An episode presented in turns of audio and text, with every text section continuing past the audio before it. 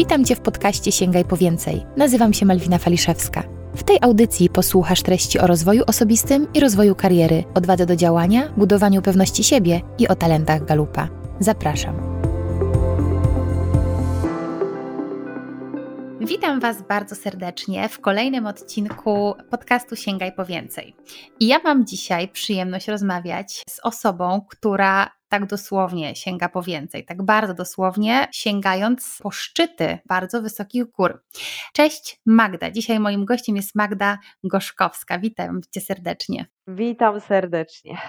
Magdalena Gorzkowska, ostatnio nazwisko, które myślę, że mogło obiec całą Polskę, ale nie tylko. Magdalena Gorzkowska jest pierwszą Polką, która podjęła się ogromnego wyczynu. Magda, ty zdecydowałaś, że chcesz sięgnąć po więcej i wejść zimą na K2.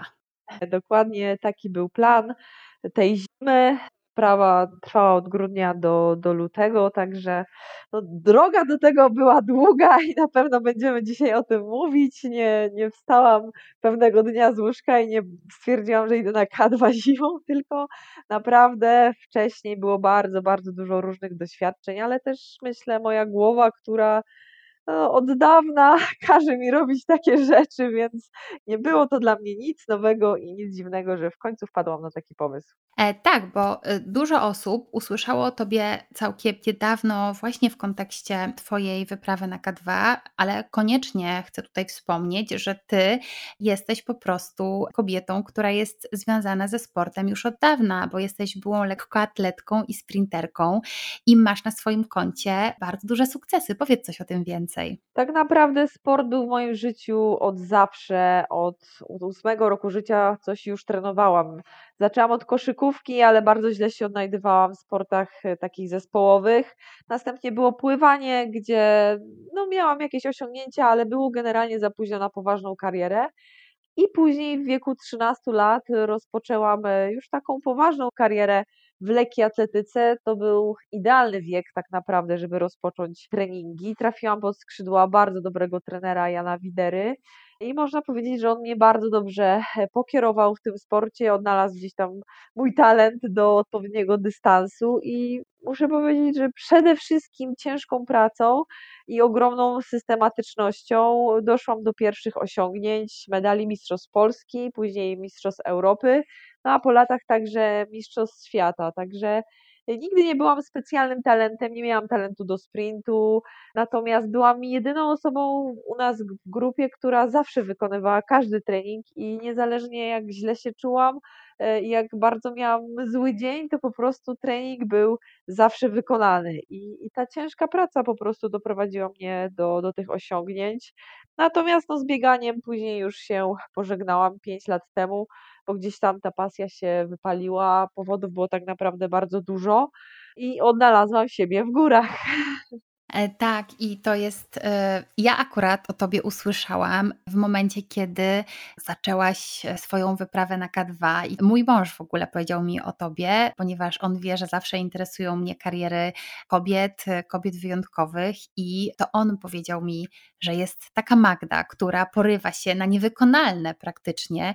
Moja mama tak samo od lat zakochana jest w górach i zawsze mi tutaj podrzuca różne książki na temat Himalajstów, więc stałaś się naszym tematem rozmowy praktycznie w Wigilię. Rozmawialiśmy o tobie, także nawet ci pisałam na Instagramie, że, że dyskusja trwa, bo ty Magda 18 grudnia wyruszyłaś na taką wyprawę. Skąd wziął się taki pomysł, bo też y, jak czytałam w social mediach, jak jakby zaczęto o tobie mówić, to też pojawiło się wiele takich haseł, ok, skąd się wzięła ta dziewczyna i czy ona w ogóle porywa się na niewykonalne? I było sporo takich osób, które nie wiedziało o tym, że to nie była twoja pierwsza wyprawa na ośmiotysięcznik, ale było tego więcej i no nie wzięłaś się znikąd. No dokładnie, ja rozumiem tą sytuację, że niektórzy dopiero mnie usłyszeli niedawno, bo K2 mimo wszystko jest też bardzo medialnym tematem, a wszystkie moje poprzednie wyprawy no, nie były aż, aż tak medialne jak po prostu K2, także ludzie o mnie po prostu wcześniej nie słyszeli. Natomiast e, porywanie się na tego typu wyzwania i nie banie się, e, podnosić tą poprzeczkę najwyżej jak się tylko da, jest można powiedzieć w moim życiu odkąd tylko pamiętam. I chociażby już w lekkiej atletyce, moimi celami musiały być cele najwyższe i niemożliwe do osiągnięcia przez większość osób. Nawet mi się one musiały wydawać niemożliwymi.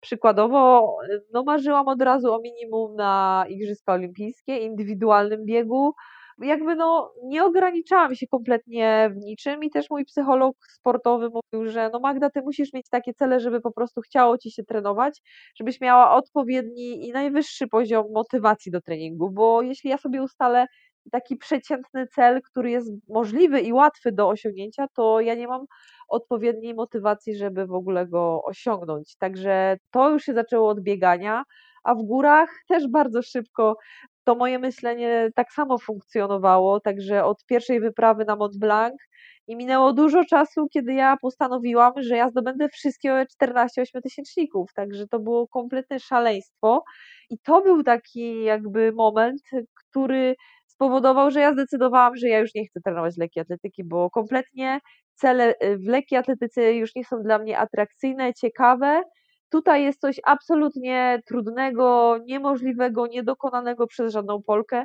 do zrobienia i ja się po prostu za to biorę, bo ktoś to musi zrobić. Tak, tak. I wiesz, e, ja od razu e, dopowiem, że e, my też rozmawiałyśmy o Twoich talentach według Galupa. I drodzy słuchacze i słuchaczki, absolutnie talenty Galupa potwierdzają wszystko, o czym Magda mówi, bo to mnie też bardzo zafrapowało, jak myślałam sobie, okej, okay, jakie talenty stoją za takimi marzeniami, za takimi celami. I słuchajcie, stoją za tym talenty niesamowite. Mogę Magda wspomnieć, jakie? No, oczywiście, proszę.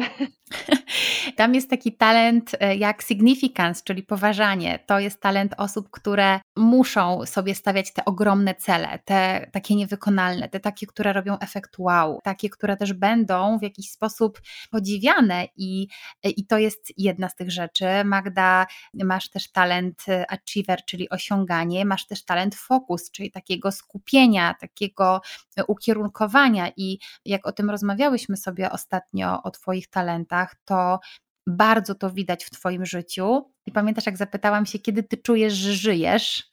E, możesz powiedzieć, kiedy to właśnie jest? No to jest dokładnie wtedy, kiedy ja sobie ustalę super niemożliwy i super trudny cel. Wtedy mi się chce. Tak, tak, to jest niesamowite. I jeszcze do tego e, rozmawiałyśmy też o tym, że Twoim pierwszym talentem jest talent individualization.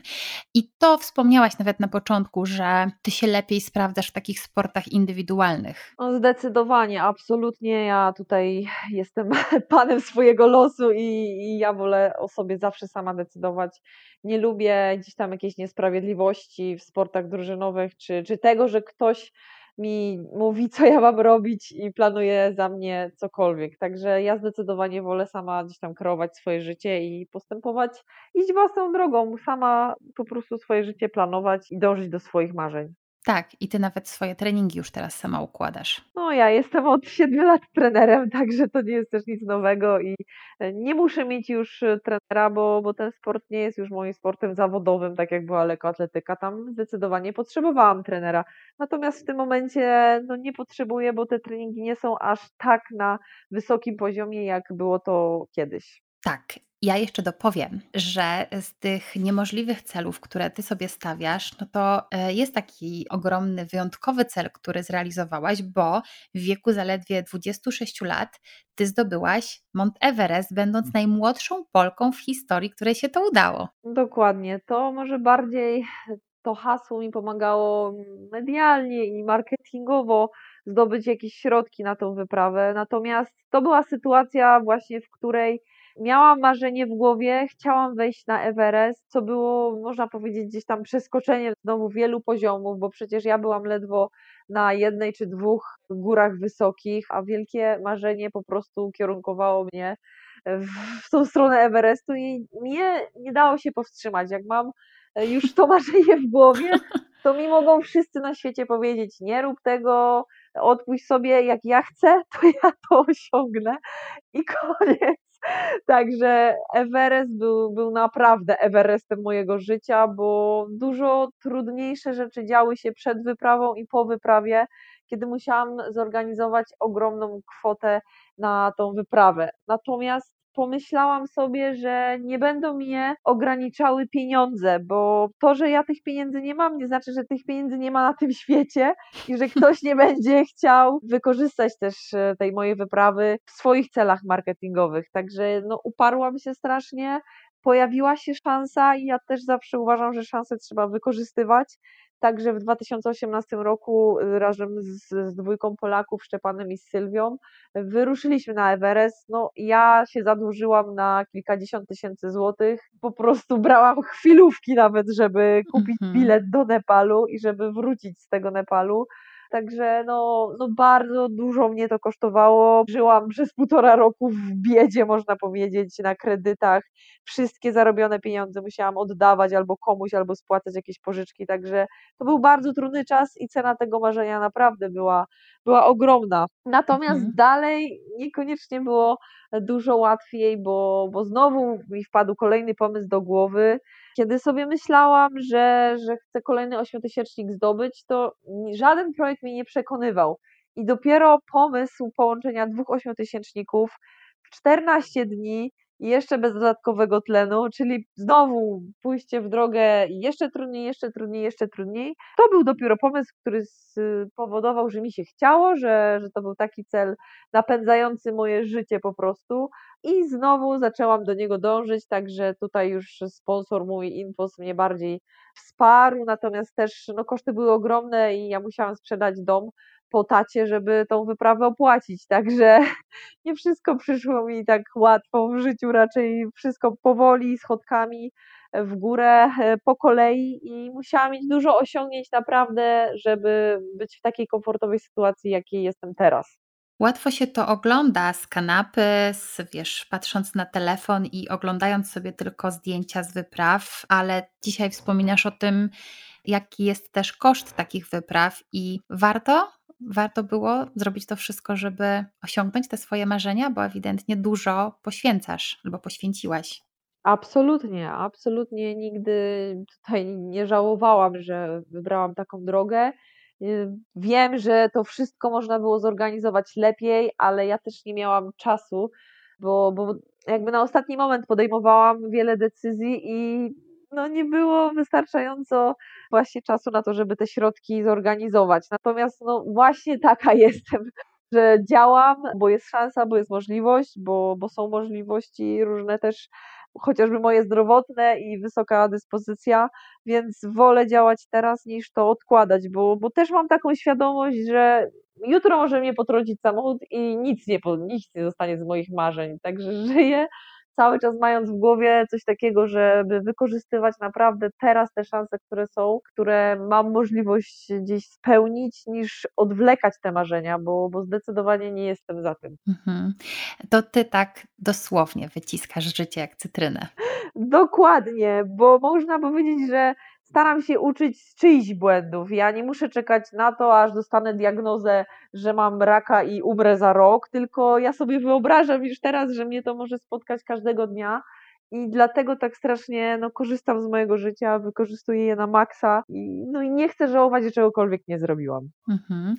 A wróćmy do K2, bo to jest Twoja ostatnia wyprawa, też no, myślę, że najbardziej medialna, wyprawa, która akurat w tym przypadku nie zakończyła się Twoim zdobyciem szczytu, Niemniej jednak dla mnie to jest ogromny wyczyn i naprawdę szapobaza. To nawet nie wiem, czy są słowa, które są w stanie wyrazić taki podziw i, i Twoją determinację, bo ja też muszę dopowiedzieć taką rzecz, że Magda, Ty prowadzisz swój profil na Instagramie, który ja obserwuję, który już dzisiaj ma 35 tysięcy obserwujących i wiesz, jak pojawiła się ta historia o tym, że ty wchodzisz, ja zaczęłam sobie mm, oglądać te wszystkie twoje stories e, takie zachowane, gdzie pokazywałaś swoje treningi i te treningi to był naprawdę hardcore i ludzie niektórzy, którzy opowiadali o tym, że ty idziesz nieprzygotowana, to oni chyba nie widzieli tego, co ty robisz.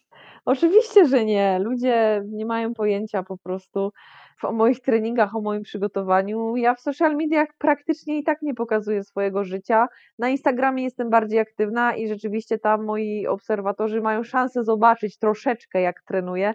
Natomiast przykładowo osoby na Facebooku, które mnie śledzą, kompletnie nie widzą moich przygotowań i, i moich gdzieś tam wysiłków i bardzo łatwo mnie oceniają jako po prostu turystkę, która kompletnie nieprzygotowana poszła na K2. Natomiast ja mogę powiedzieć, że na tej wyprawie nic gdzieś tam nie zawiodło poza moim po prostu zdrowiem, które mi uniemożliwiło dalszą akcję, ale jeśli chodzi o moje przygotowanie, no nie było w tym momencie słabych punktów, bo ja się do tej wyprawy straszliwie poważnie przygotowałam i zrobiłam sobie z dwa miesiące przed wyjazdem taką listę, co jest moim słabym punktem, co muszę z nim zrobić bo nie chciałam sobie pozwolić na sytuację, że ja jestem na K2 i na przykład mam problem z zimnem, bo jest minus 60 stopni, tylko ja się przygotowałam na jeszcze gorsze warunki niż w ogóle tam były i suma summarum, no nie zostałam jakoś strasznie tym wszystkim zaskoczona, no nie złapałam siebie na czymś, e, żeby mi czegoś brakowało, żeby moje przygotowanie w czymkolwiek zawiodło. Absolutnie tutaj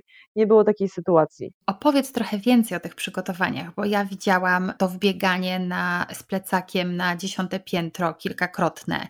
Widziałam, jak siedzisz po 30 minut w zimnej wodzie. Powiedz więcej o tych treningach. E, tak, ja sobie te treningi bardzo dokładnie zaplanowałam. Kilka miesięcy było naprawdę po prostu mega profesjonalnego treningu i, i chciałam o te wszystkie ważne na tej wyprawie aspekty zadbać. Więc y, było tak, wspinanie się regularnie, czyli tutaj głównie ścianka wspinaczkowa czy e, buldery, czyli praca nad siłą i nad techniką tak naprawdę. I to bardzo dużo też mi tutaj dało, ponieważ no K2 wymaga ogromu siły i naprawdę tam jest sporo pracy siłowej na tej górze. Nie da się tam wspinać bez takiego przygotowania, także to była pierwsza sprawa. Drugi rodzaj treningu, no to jest oczywiście wytrzymałość, czyli w moim przypadku biegi 6, 8, 10 kilometrów Także treningi interwałowe to już taki kolejny etap. E, także bieganie pod górkę gdzieś tam w parku. Wróciłam do podbiegów, które robiłam też w czasie mojego biegania jeszcze zawodowego. Do tego morsowanie, które miało na celu wsparcie mojej termoregulacji i takie wytrenowanie jej. I tu też muszę powiedzieć, że to zadziałało super, bo na wyprawie, kiedy były sytuacje, że nie mam czucia w dłoniach z zimna, to one się bardzo szybko potrafiły ogrzać. I ja to naprawdę zauważyłam, że to jest efekt tego morsowania i nigdy wcześniej aż tak szybko nie potrafiłam się rozgrzewać. Także to wszystko gdzieś tam zadziałało.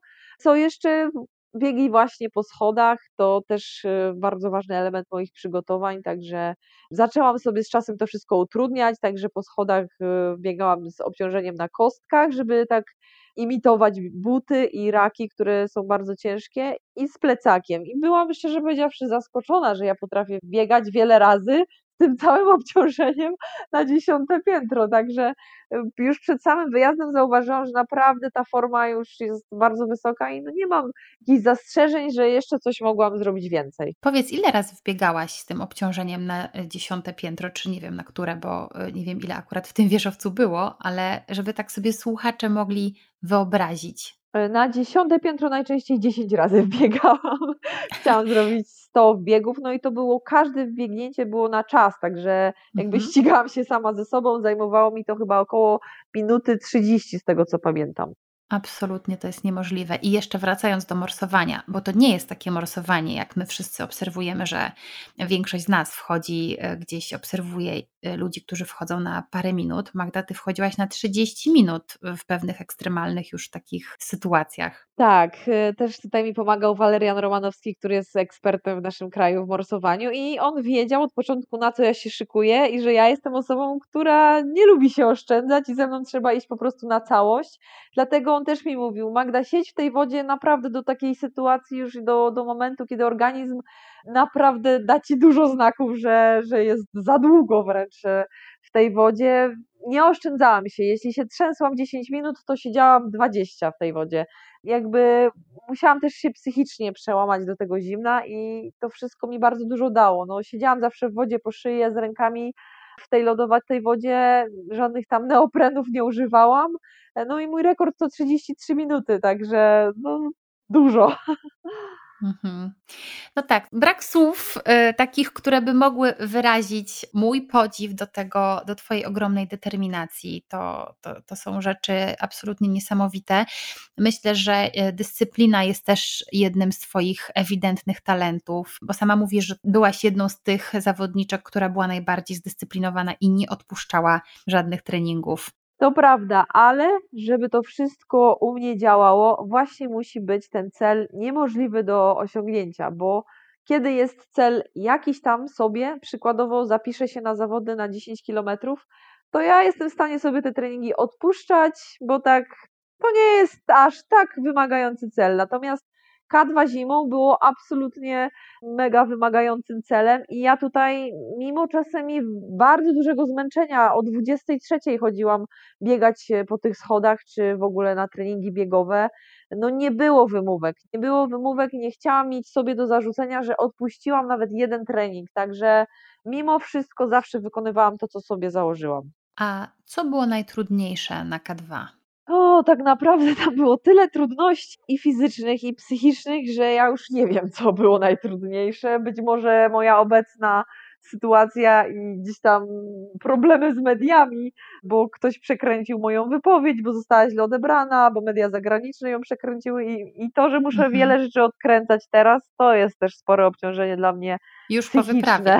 tak, po wyprawie. Oczywiście bardzo trudnymi przeżyciami było zetknięcie się no, ze śmiercią tam bezpośrednio, także z osobą najbliższą osoby, która miała tam wypadek i zmarła i mhm. przeżywanie razem gdzieś tam no, tego dramatu można powiedzieć. To są takie psychiczne przeżycia, które bardzo na mnie mocno wpłynęły po tej wyprawie i ja nigdy chyba nie wróciłam w takim, można powiedzieć, złym stanie psychicznym z jakiejkolwiek wyprawy. Natomiast y, jeśli chodzi o aspekty fizyczne, no to nasze pierwsze zetknięcie się z górą tak naprawdę było najgorszym, bo organizm też nie był zaaklimatyzowany do wysokości. I wtedy tak naprawdę poczułam, co to w ogóle jest to K2 i dlaczego ją mhm. wszyscy uznają za najtrudniejszą górę. Jeszcze zimą to już kompletnie zapiekło. E, ponieważ no, wchodząc już jakby w ścianę tej góry, można powiedzieć, nie ma drogi odwrotu. Jest ogromne nachylenie, gdzieś tam 60 stopni powiedzmy, jest bardzo twardy lód, nie chodzi się tam po śniegu, tylko jesteśmy wbici na przednich zębach raków w bardzo twardym lodzie. Musimy ogrom siły wkładać w to, żeby zrobić każdy krok.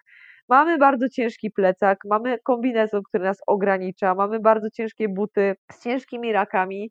Wpinamy się w liny, które są stare, postrzępione, ponadrywane, kompletnie im nie można zaufać, a pod nami jest kilka kilometrów przepaści tak naprawdę. I zdajemy sobie sprawę, że każdy błąd, każda sekunda zawahania może nas kosztować po prostu utratę życia. Także bardzo dużo jest e, tam tych elementów, które występują razem i są, można powiedzieć, super niebezpieczne. Do tego spadające na naszą głowę rozpędzone kamienie. Trzeba cały czas być czujnym, wysłuchiwać ich i robić często uniki w ostatniej po prostu setnej sekundy, żeby nie dostać tym kamieniem w nogę czy w głowę. Także jeżeli człowiek w ogóle by się tam znalazł, to dopiero by zrozumiał o co chodzi z tym K2, dlaczego to jest takie trudne, e, że nie ma tam nawet gdzie odpocząć, jak już się wchodzi w tą ścianę, to jesteśmy na napiętych łydkach przez 6 godzin. I mimo iż mnie palą, mimo iż mi drżą, to ja muszę iść dalej, bo nie mam wyjścia tak naprawdę. Jak już podjęłam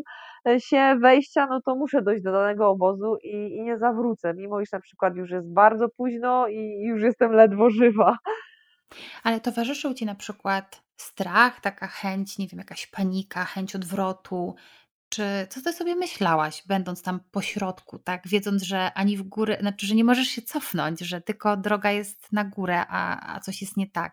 W takich sytuacjach ja zawsze skupiam się najbardziej jak potrafię na tym, co robię i na tym, co jest najważniejsze. I jakby odwracam swoją uwagę od tych wszystkich zewnętrznych czynników, czyli przykładowo od tego zimna, od tego wiatru. Ja kompletnie o tym nie myślę, jak bardzo jest ciężko, tylko skupiam się na tym, żeby się dobrze wpiąć w liny, bo to jest priorytet, bo od tego zależy moje życie tak naprawdę. I jakby zupełnie staram się nie rozpraszać. Żadna gdzieś tam sytuacja nie jest w stanie mojego spokoju i skupienia zaburzyć, bo kiedy wejdę w taki tryb, ogromnego skupienia na tym, co robię, to, to ja się nie rozpraszam tym, że jest na przykład straszliwie mocny wiatr i, i na przykład śnieżyca, bo były takie sytuacje bardzo trudne i ja w tym momencie po prostu myślę, co jest w tym momencie najważniejsze dla ciebie. Twoje bezpieczeństwo i skup się tylko i wyłącznie na linach, a nie na tym, co się dzieje w koło. Mimo iż jest bardzo ciężko, no to koncentracja na, na wpinaniu się w linę była zawsze numerem jeden. Mhm. Ty finalnie, Magda, nie weszłaś na K2 z powodu, tak jak powiedziałaś, problemów zdrowotnych. Ty się zatrułaś i to też mówię dla tych, którzy może nie mieli szansy dowiedzieć się tego jeszcze.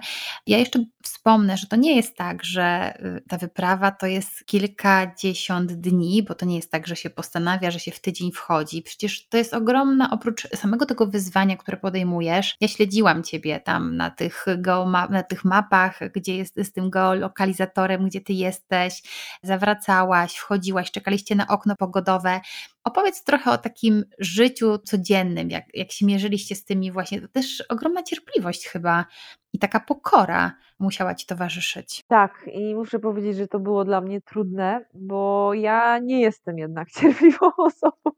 To mhm. jest gdzieś tam moja słabość, ponieważ ja chcę jak najszybciej tak naprawdę osiągnąć to, co, co sobie wymyśliłam. A tutaj nie było takiej możliwości i ja musiałam wpaść w taki stan takiego spokoju, takiego oczekiwania i, i myślenia o tym, no, że, że nic nie jestem w stanie zrobić, ponieważ są bardzo silne wiatry i kompletnie jakby się wyłączyłam z tego, przykładowo, że, że większość spinaczy codziennie analizowała prognozy, dyskutowała, ja się w to nie mieszałam i ja wiedziałam, że i tak musimy czekać na ostatni moment z tą prognozą, bo one się tak zmieniają, że nie można im za bardzo ufać.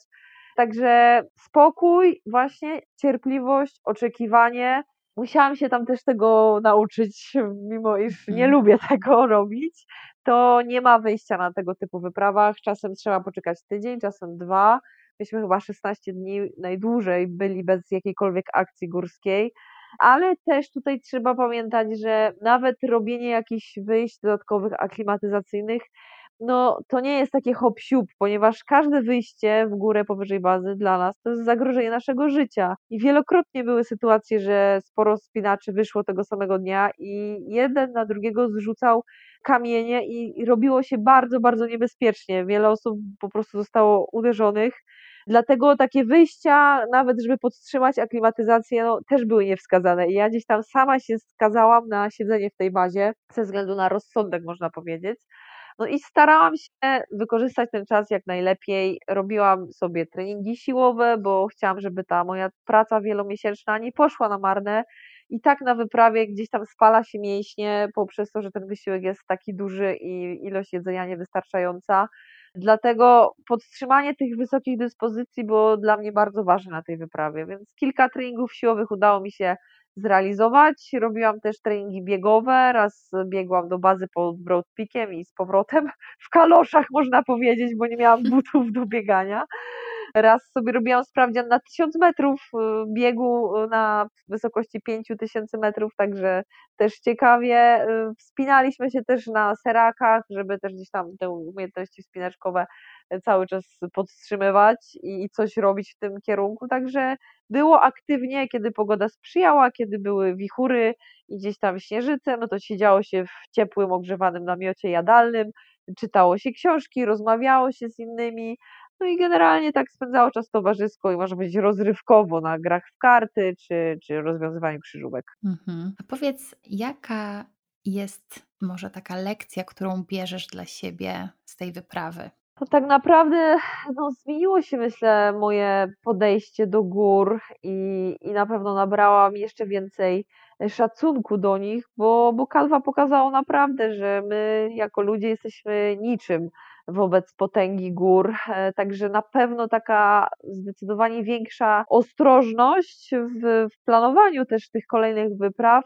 nie porywanie się gdzieś tam na hura, na, na kolejne szczyty, tylko na spokojnie, ponieważ no, obrałam sobie może trudne wyzwanie, ale nie warto uważam się tutaj śpieszyć z realizacją tego mojego celu i też muszę być w nim jeszcze bardziej cierpliwa i wiem, że będę, bo, bo nie chcę y, się tutaj, mówię, porywać, śpieszyć, te ośmiotysięczniki to miejsca, gdzie można po prostu zginąć, gdzie można stracić zdrowie i, i ja nie chcę tracić ani życia, ani zdrowia na, na kawałkach skały, bo to jest nic więcej jak, jak jakieś piękne miejsce, które jest nic nie warte tak naprawdę. Ja tam jadę spełniać swoje marzenia, ale moje życie jest zdecydowanie ważniejsze dla mnie, także myślę, że taki spokój w tym planowaniu. Ja teraz jestem taką osobą, która wręcz innych troszeczkę tak ponuje, mogę powiedzieć. I to ja rozmawiałam teraz z kilkoma osobami i mówię: spokojnie, nie porywaj się od razu na tyle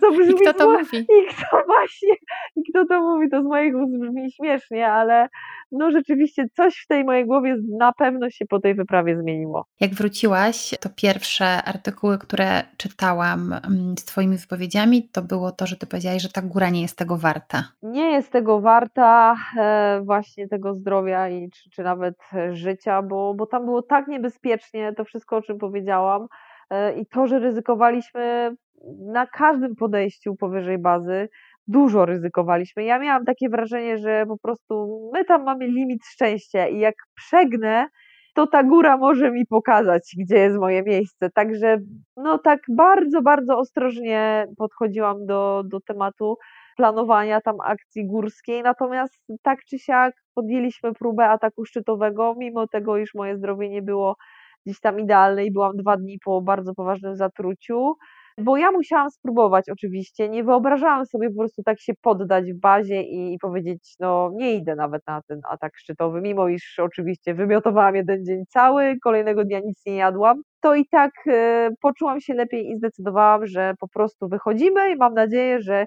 będzie już tylko lepiej. No natomiast no, góra mnie zweryfikowała i, i, pokazała, że no przykro mi Magda, w tym stanie zdrowia to sobie możesz wracać do domu. I, I znowu pokora, taka lekcja pokory i cierpliwości. No dokładnie, ale jakby przyjmuję to, nie walczę z tym, nie robię nic na siłę, też sobie ustaliłam pewne jakby rygory wobec siebie. Hmm. Określiłam dany czas, w którym muszę dojść do obozu pierwszego. I ja tego zadania po prostu nie wykonałam i sama siebie z niego rozliczyłam. No przykro mi, za wolna jesteś, za słabo się czujesz i kompletną głupotą jest kontynuowanie tego, bo wyżej będzie tylko i wyłącznie trudniej i gorzej. I ja też nie chcę narażać e, mojego zespołu, czyli dwóch szerpów i Oswalda na jakiekolwiek problemy związane ze mną. Mhm. Dobrze, że masz do tego takie racjonalne podejście i no ja się cieszę, że wróciłaś cała i zdrowa. No ja też się cieszę i myślę, że to jest najważniejsze i, i uleganie jakiejkolwiek presji jest bardzo zgubne i wiele niestety też wspinaczy gdzieś tam zginęło w górach, ponieważ szło tam, żeby komukolwiek cokolwiek udowodnić.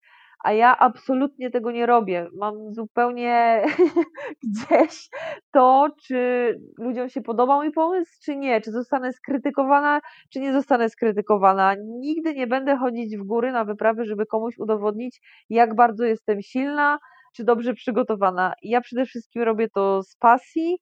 Pojechałam na K2 zimą, bo chciałam doświadczyć czegoś niesamowitego. Wiedziałam, że to będzie zupełnie coś nowego dla mnie i nowa góra, nowe warunki, nowy sezon, nowi ludzie. Byłam strasznie tego wszystkiego ciekawa i głodna tych wrażeń, dlatego tam pojechałam. I ja wracam absolutnie spełniona, przepełniona doświadczeniami może mądrzejsza, mam nadzieję taką. E, natomiast e, no, zdaję sobie sprawę, że niestety czasem ludzie popełniają ten błąd, że idą o ten jeden krok za daleko, a na K2 przykładowo, czy w ogóle na tego typu górach, no ten jeden krok za daleko może nas po prostu kosztować utratę życia. Mhm. Niesamowita historia z tą Twoją wyprawą. No ale teraz e, tutaj mówisz, że więcej pokory, że więcej cierpliwości i jeszcze więcej mówisz rozwagi, ale ja nie wierzę, że Ty za długo usiedzisz w miejscu. Jaki będzie ten następny nieosiągalny cel? Nie wiem, czy nieosiągalny, bo myślę, że dla mnie ja podejmuję cele osiągalne mimo wszystko. Ale przynajmniej z pozoru y, wyjątkowo trudne. Albo, znaczy nawet nie z pozoru, no po prostu takie z pozoru. Nie z pozoru, po prostu wyjątkowo trudne. Generalnie, jeśli myślę o moim całym projekcie Korony Himalajów i Karakorum, to chciałabym, żeby on był jeszcze bardziej wzbogacony o jakieś dodatkowe trudności. Przykładowo chodzą mi po głowie wyjścia szybkościowe, czyli z bazy na szczyt i do bazy jednego dnia. To jest projekt, który po prostu myślę, że prędzej czy później zrealizuję, tylko to jest kwestia na jakiej górze i kiedy. Nie wiem, nie jest jeszcze to w mojej głowie konkretnie sprecyzowane. Druga rzecz to jest połączenie kilku szczytów na jednej wyprawie i tak naprawdę już to próbowałam dwa razy zrobić i mi nie mhm. wyszło, ale, ale to jest nadal pomysł, który chcę zrealizować. Wiem, że jestem w stanie fizycznie to zrobić. Raz mnie powstrzymały odmrożenia, drugi raz pandemia tak naprawdę w ogóle w realizacji wyprawy, więc to jest projekt, który na pewno do niego, do którego wrócę ale też nie wiem w którym sezonie i które góry. Być może już tego lata w Pakistanie na przykład mogę połączyć dwa Gasherbrumy, bo są obok siebie, także też jakby logistycznie do tego podchodzę. Przykładowo, jeśli pojadę na K2, nie w tym roku na pewno, bo nie chcę wracać jeszcze, y, to połączę K2 z Broadpeakiem, ponieważ tak samo góry są obok siebie i warto wykorzystać aklimatyzację zdobytą na jednej górze, żeby wejść później szybko na drugą. Więc nie, na pewno nie takie standardowe, można powiedzieć, wyprawy, że jadę, jeden szczyt i do domu. No tylko, tylko przynajmniej w planie musi być coś jeszcze więcej, ale to też jest taki efekt, który jest wnioskiem z, z mojego sposobu myślenia. Chodzi o to, że przykładowo, jak byłam na Manaslu i po prostu zdobyłam tą górę po prostu bez dodatkowego tlenu, poszło mi to gładko i szybko, to wróciłam i byłam po prostu rozczarowana dlaczego ty nie wpadłaś na pomysł, żeby właśnie zrobić wejście szybkościowe? Ja wróciłam po prostu niezadowolona z tej wyprawy, bo już wszystko mi wypaliło. E, dlatego właśnie po tym Manaslu, kiedy pojawiła się w ogóle możliwość, e, opcja wejścia na K2 zimą, no to uważałam, że to jest po prostu idealny pomysł dla mnie, bo tam już się nie da trudniej e, niczego mhm. zrobić i ta poprzeczka już jest podniesiona najwyżej jak się da. I też e, jakby kwestia, mówię, wyciągnięcia wniosków. Wtedy żałowałaś, że nie zrobiłaś czegoś trudniejszego, teraz masz możliwość zrobienia czegoś najtrudniejszego. No to idę. Ciebie kręcą strasznie takie rzeczy, których jeszcze, czyli robienie rzeczy poza schematem i za to też, jak rozmawiałyśmy o Twoich talentach, to masz też taki talent, który nazywa się ideation, czyli odkrywczość i tutaj ja przynajmniej odnalazłam bardzo dużo aspektów tego, żeby robić rzeczy wyjątkowe, niepowtarzalne i zawsze robić coś inaczej i poza schematem. No zgadza się, dokładnie tak to jest, że, że te moje pomysły właśnie muszą gdzieś tam być takimi, których na przykład jeszcze nikt nie zrobił i, i staram się urozmaicać te moje wyprawy właśnie w taki sposób. Myślę, że jeszcze nie jedna rzecz mi wpadnie do głowy. Ja też nie wątpię. Magda, chciałam Cię jeszcze zapytać o taki inny aspekt, bo o to w ogóle, wiesz, mój podcast, ja zapraszam do niego kobiety, zawsze kobiety wyjątkowe, dużo kobiet e, ze świata biznesu, które mierzą się też z takimi czasami ograniczeniami związanymi z tym, że no jednak mężczyzn na wysokich stanowiskach e, jest więcej, a w Twojej dziedzinie, w Twoim obszarze, w sporcie, w himalaizmie też mężczyzn jest więcej. I czy Ty w jakikolwiek sposób odczułaś to, że fakt, że jesteś kobietą, kobietą, to komuś, ktoś bardziej nie dowierzał w to? Szczerze powiedziawszy, nigdy się nie spotkałam z czymś takim, żeby było podejście do mnie jako gorszej niż, niż mężczyźni. Wręcz przeciwnie, najczęściej na wyprawach wszyscy wiedzą, że, że gdzieś tam jestem, czy byłam zawodowym sportowcem i mówią olimpian, olimpian, także jestem raczej tak z szacunkiem bardzo traktowana i, i poważnym podejściem do tematu gór, e, ale kobiety są zawsze na wyprawach, zawsze w mniejszej ilości niż mężczyźni i muszę powiedzieć, że z tych moich doświadczeń na kilku wyprawach nie zauważyłam, żeby ktokolwiek gorzej traktował kobiety, bo, bo też jadą na takie wyprawy doświadczone osoby, także nie ma kobiet, które jadą bez doświadczenia na ośmiotysięcznik, także jakby wymieniając doświadczenia z innymi rozmawiając z innymi wspinaczami, no jakby nasze fakty i, i gdzieś tam osiągnięcia świadczą o tym, że coś już dokonałyśmy, także no nie jesteśmy z przypadku tam, gdzie jesteśmy. I... Tak. Mhm. Ja nawet nie miałam, wiesz, na myśli, że ktoś gorzej cię traktuje, tylko że na przykład ktoś nie dowierza, że kobieta da radę, albo że jest po prostu ich mniej i że może trudniej się przebić w tym świecie. Bardziej to miałam na myśli. Bezpośrednio na wyprawach, czyli głównie mając tam e, jakby styczność z osobami z zagranicy, nigdy czegoś takiego nie odczułam. Natomiast mogę powiedzieć, że takie coś się dzieje w Polsce, bo tu hmm. będąc kobietą, jakim ja prawem w ogóle poszłam na K2? No właśnie, jakim prawem, Magda? nie mam pojęcia, jakim prawem ja tam poszłam.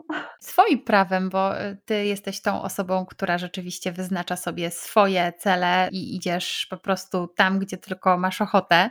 Ja jestem strasznie ciekawa Twoich kolejnych e, osiągnięć. Tymczasem chciałam Cię jeszcze zapytać, jakie w ogóle plany, czy jakieś inne poza sportem, co, czy, czy jakby teraz chcesz się skupić głównie na ośmiotysięcznikach, na wyprawach górskich, czy coś jeszcze Cię kręci w Twoim życiu zawodowym obok tego?